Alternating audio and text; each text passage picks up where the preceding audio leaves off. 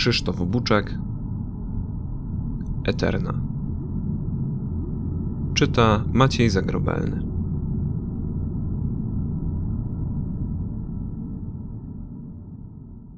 Kim jestem? Grzeczność oraz zakorzeniona w kulturze człowieka tradycja literacka nakazywałyby zacząć od przedstawienia się. Z tym jednak jest pewien osobliwy problem, a zagmatwana historia związana z moimi personaliami zmusiłaby mnie wręcz do półkłamstwa, gdybym zaczął ni stąd, ni z owąd od swojego nazwiska. Nie wątpię, że czytelnik tego tekstu w pełni zrozumie naturę owej kłopotliwej kwestii, gdy już zagłębi się w lekturze. Mogę jednak bez cienia fałszu powiedzieć, że z chwilą, gdy piszę te słowa, nazywam się Andrzej Sorokin, choć inni ludzie zazwyczaj zwracają się do mnie Andrew, ze względu na rezydujące w ich umysłach przyzwyczajenie do anglosaskiego odpowiednika. Podobają mi się obie formy, zresztą niekoniecznie zwracam na to uwagę, do czego również w swoim czasie dojdę. Podobnie jak znaczna część populacji naszego gatunku, przebywam obecnie na Islandii. Moim domem jest Światowy Instytut Badawczy pracujący nad epokowym projektem o nazwie Przystań. Kusiło mnie początkowo, by napisać o pięknej nazwie, ale być może moje pojmowanie brzmienia języka jest już wypaczone, więc ocenę pozostawiam czytelnikowi. Mnie się przystań podoba i uważam, że jest niezwykle adekwatna. Może oznaczać zarówno miejsce, w którym strudzony wędrowiec kończy swą podróż, jak i znakomity punkt początkowy dla nowej przygody. Ktoś, kto ją wymyślał, musiał mieć głowę na karku przynajmniej w kwestiach lingwistyczno-metaforycznych. Siedzę w swojej prywatnej, nieco zbyt na mój gust sterylnej kwaterze, mającej 25 metrów kwadratowych. Znajduje się ona na 27, prawie najwyższym piętrze budynku, postawionego specjalnie dla pracowników Instytutu, więc w teorii każdego ranka powinien witać mnie prześliczny widok z okna. Tak byłoby niemal przez całą nowoczesną historię naszej planety. Jednak teraz po horyzont rozpościerają się pode mną widoki, co prawda na swój sposób estetyczne, ale raczej industrialne. W niewielkie odległości od siebie ciągną się tworzące gigantyczny kompleks budynki, których głównym celem jest zapewnianie mieszkania dla 14 milionów osób oraz dostarczanie tymże osobom warunków i składników niezbędnych do życia. W większości pomieszczeń tego mrowiska praca, czy to ludzi, czy maszyn, nie ustaje prawie nigdy. Tylko tak można zagwarantować egzystencjalne minimum wszystkim mieszkańcom Nowej Islandii, jak nazywa się żartobliwie powstały w miejscu dawnego mroźnego kraju twór cywilizacyjny. Zintensyfikowana aktywność obywateli wyspy wiąże się również z chęcią ukończenia na czas projektu, którym się obecnie zajmujemy. I ten temat również wyjaśniony zostanie w stosownym momencie. Tak, zdaję sobie sprawę, iż to dopiero początek, a już zdążyłem naobiecywać mnóstwo rzeczy. Mam nadzieję, że zdołam wypełnić te zobowiązania wobec przyszłych odbiorców. Na pewno zaś dołożę wszelkich starań, aby tak się stało. Na moim biurku panuje ascetyzm. Śnieżno-biały laptop. Jestem prawdopodobnie jedyną żyjącą osobą, która może potwierdzić białość mitycznego już dziś śniegu naoczną obserwacją, choć staram się tym nie chwalić w towarzystwie. Lampka oraz spisana ręcznie na papierze i uzupełniana drukowanymi kartkami księga. Każdy z tych przedmiotów uchodzi obecnie za niedorzecznie przestarzały. Jednak paradoksalnie z biegiem wieków coraz ciężej przychodzi mi przyzwyczajenie się do nowych technologii. Mój ekwipunek to istny przekrój co najmniej kilku pomniejszych epok. Dość powiedzieć, że godzinę sprawdzam przeważnie na kieszonkowym analogowym zegarku ze wskazówkami, którego prawie nikt nie potrafi dziś czytać. W obliczu tego faktu pisanie niniejszego tekstu palcami za pomocą klawiatury laptopa, zamiast używania wygodniejszych i szybszych form wykorzystujących choćby wpięcie neuronowe, nie powinno uchodzić za przesadną fanaberię. Jakoś mi się to kojarzy ze stukaniem w maszynę do pisania i jest to skojarzenie bardzo przyjemne.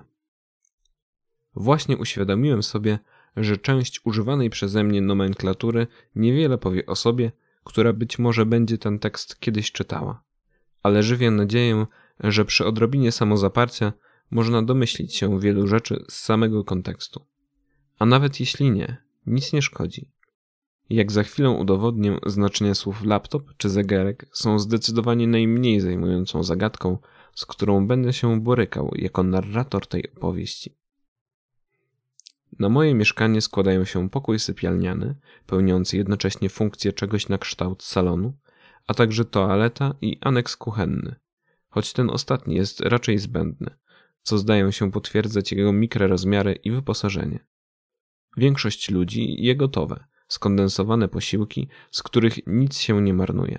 Są to porcje z dokładnie wyliczonymi składnikami odżywczymi, czasem delikatnie spersonalizowane. Jedzenie dostarczane jest do naszych apartamentów w formie pudełek z nie mającym szczególnego smaku półpłynnym prowiantem. Ów fakt uświadomił mi właśnie, że przyrządzane z potrawy to rzecz, której przez wzgląd na dawne dzieje brakuje mi najbardziej, przynajmniej w kategorii przyziemnej codzienności. Ciężko jednak narzekać na ten stan rzeczy, wszak znaczna większość żyjącej na dziko ludzkości funkcjonuje na skraju wygłudzenia i wiele by oddała za nudne obrzydlistwa, którymi się nas karmi. Nie zmienia to faktu, że tutejsi kucharze mogliby przestać oszczędzać na wzmacniaczach smaku. Nie o świecie miałem jednak pisać, lecz o mnie. Jest rok 2794. Czasu na uzupełnienie tej biografii, kroniki, świadectwa? Nie wiem, jak określić tę formę. W każdym razie czasu na uzupełnienie tekstu jest mało, bowiem moje zmiany w pracowni trwają 12 godzin dziennie.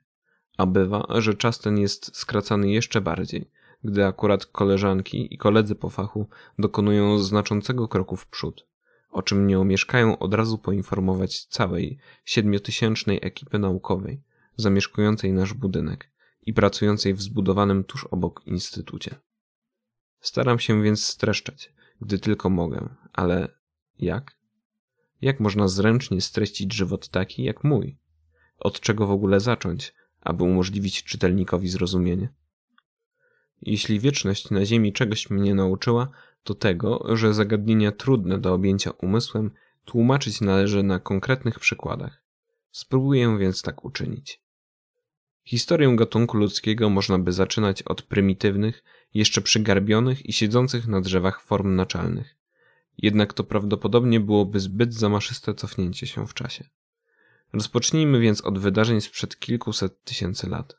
Przy odrobinie samozaparcia byłbym w stanie bardziej doprecyzować ten punkt na linii wydarzeń, ale jak już wspomniałem, nie mam zbyt wielu wolnych chwil, a już na pewno nie mam ich na tyle dużo, żeby bawić się w nikomu, poza perfekcjonistami, niepotrzebną matematykę.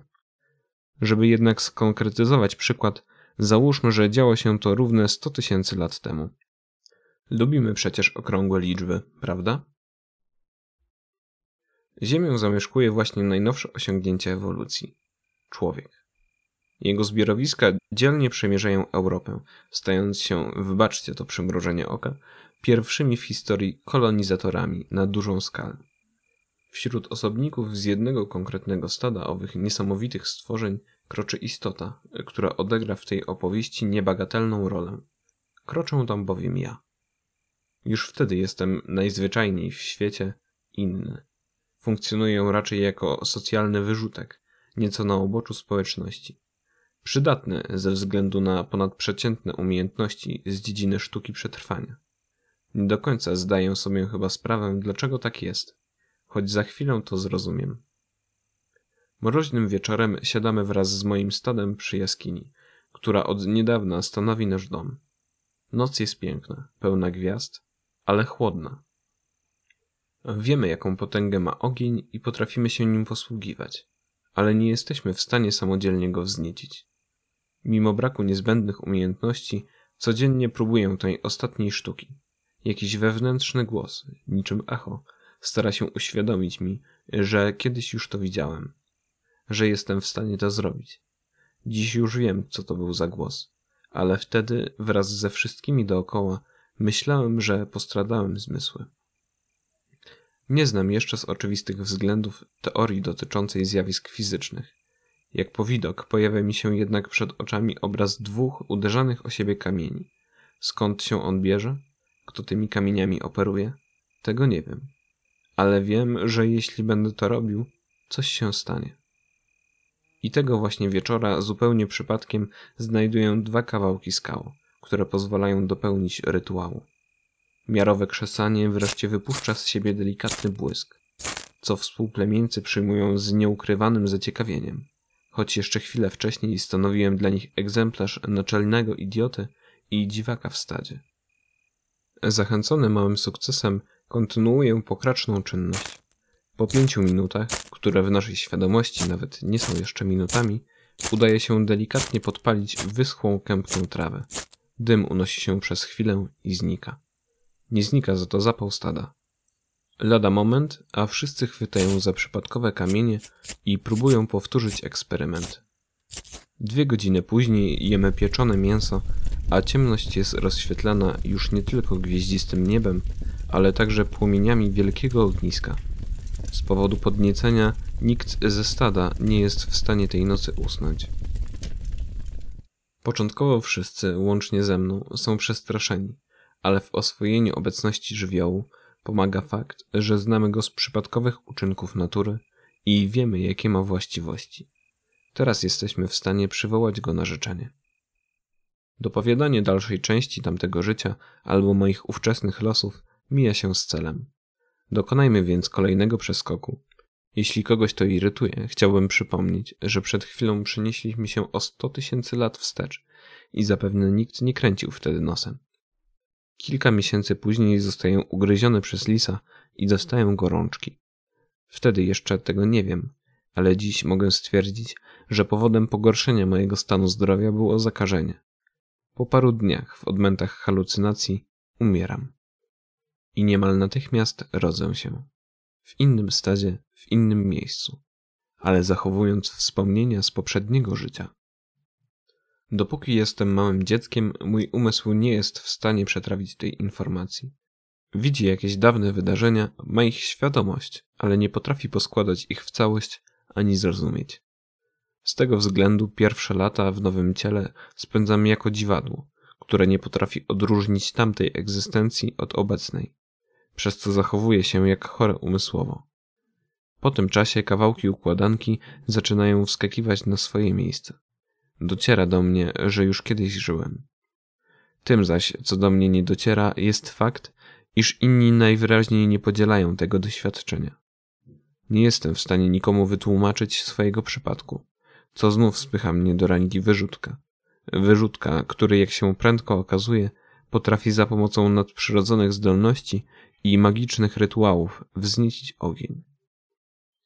Nie wiem, kiedy zaczął się ten łańcuch rzeć, ten strumień egzystencji. Podejrzewam, że uczestniczę w nim od zawsze. Jak bez trudu zauważy wprawny czytelnik, już w poprzedniej scenie, w której uderzałem kamieniem o kamień, moje synapsy niosły pewien bagaż wspomnień. Sugerowałoby to więc, że dzierżę olimpijski znicz żywota niemal od początku ludzkości, choć uważam, że istniałem jeszcze wcześniej. Nie potrafię sformułować żadnego wspomnienia, które by potwierdzało tę tezę. Po prostu to czuję. Na pewno jestem z gatunkiem ludzkim od samego zarania jego stosunkowo krótkich dziejów. Od tysięcy lat rodzę się, żyję i umieram, a potem znów przychodzę na świat, zyskując świadomość jako kolejny osobnik. Z początku, z powodu braku kalendarzy, nie byłem w stanie tego określić. Teraz mogę z całą stanowczością stwierdzić, że moje przejście w nową osobę dzieje się natychmiastowo lub prawie natychmiastowo. Tak prezentują się zasady, wedle których funkcjonują. Czas więc pójść o krok dalej i poznać przyczynę tego stanu rzeczy. Niestety, nie będzie to proste. Od kiedy stąpam po tej planecie, szukam wyjaśnienia owej zagadki. Nadal go nie znam, ale mam nadzieję, że zmieni się to już wkrótce. Z każdym dniem jesteśmy coraz bliżej wydarzenia mogącego nakierować mnie na odpowiedź. Pytanie tylko, czy wystarczy nam dni?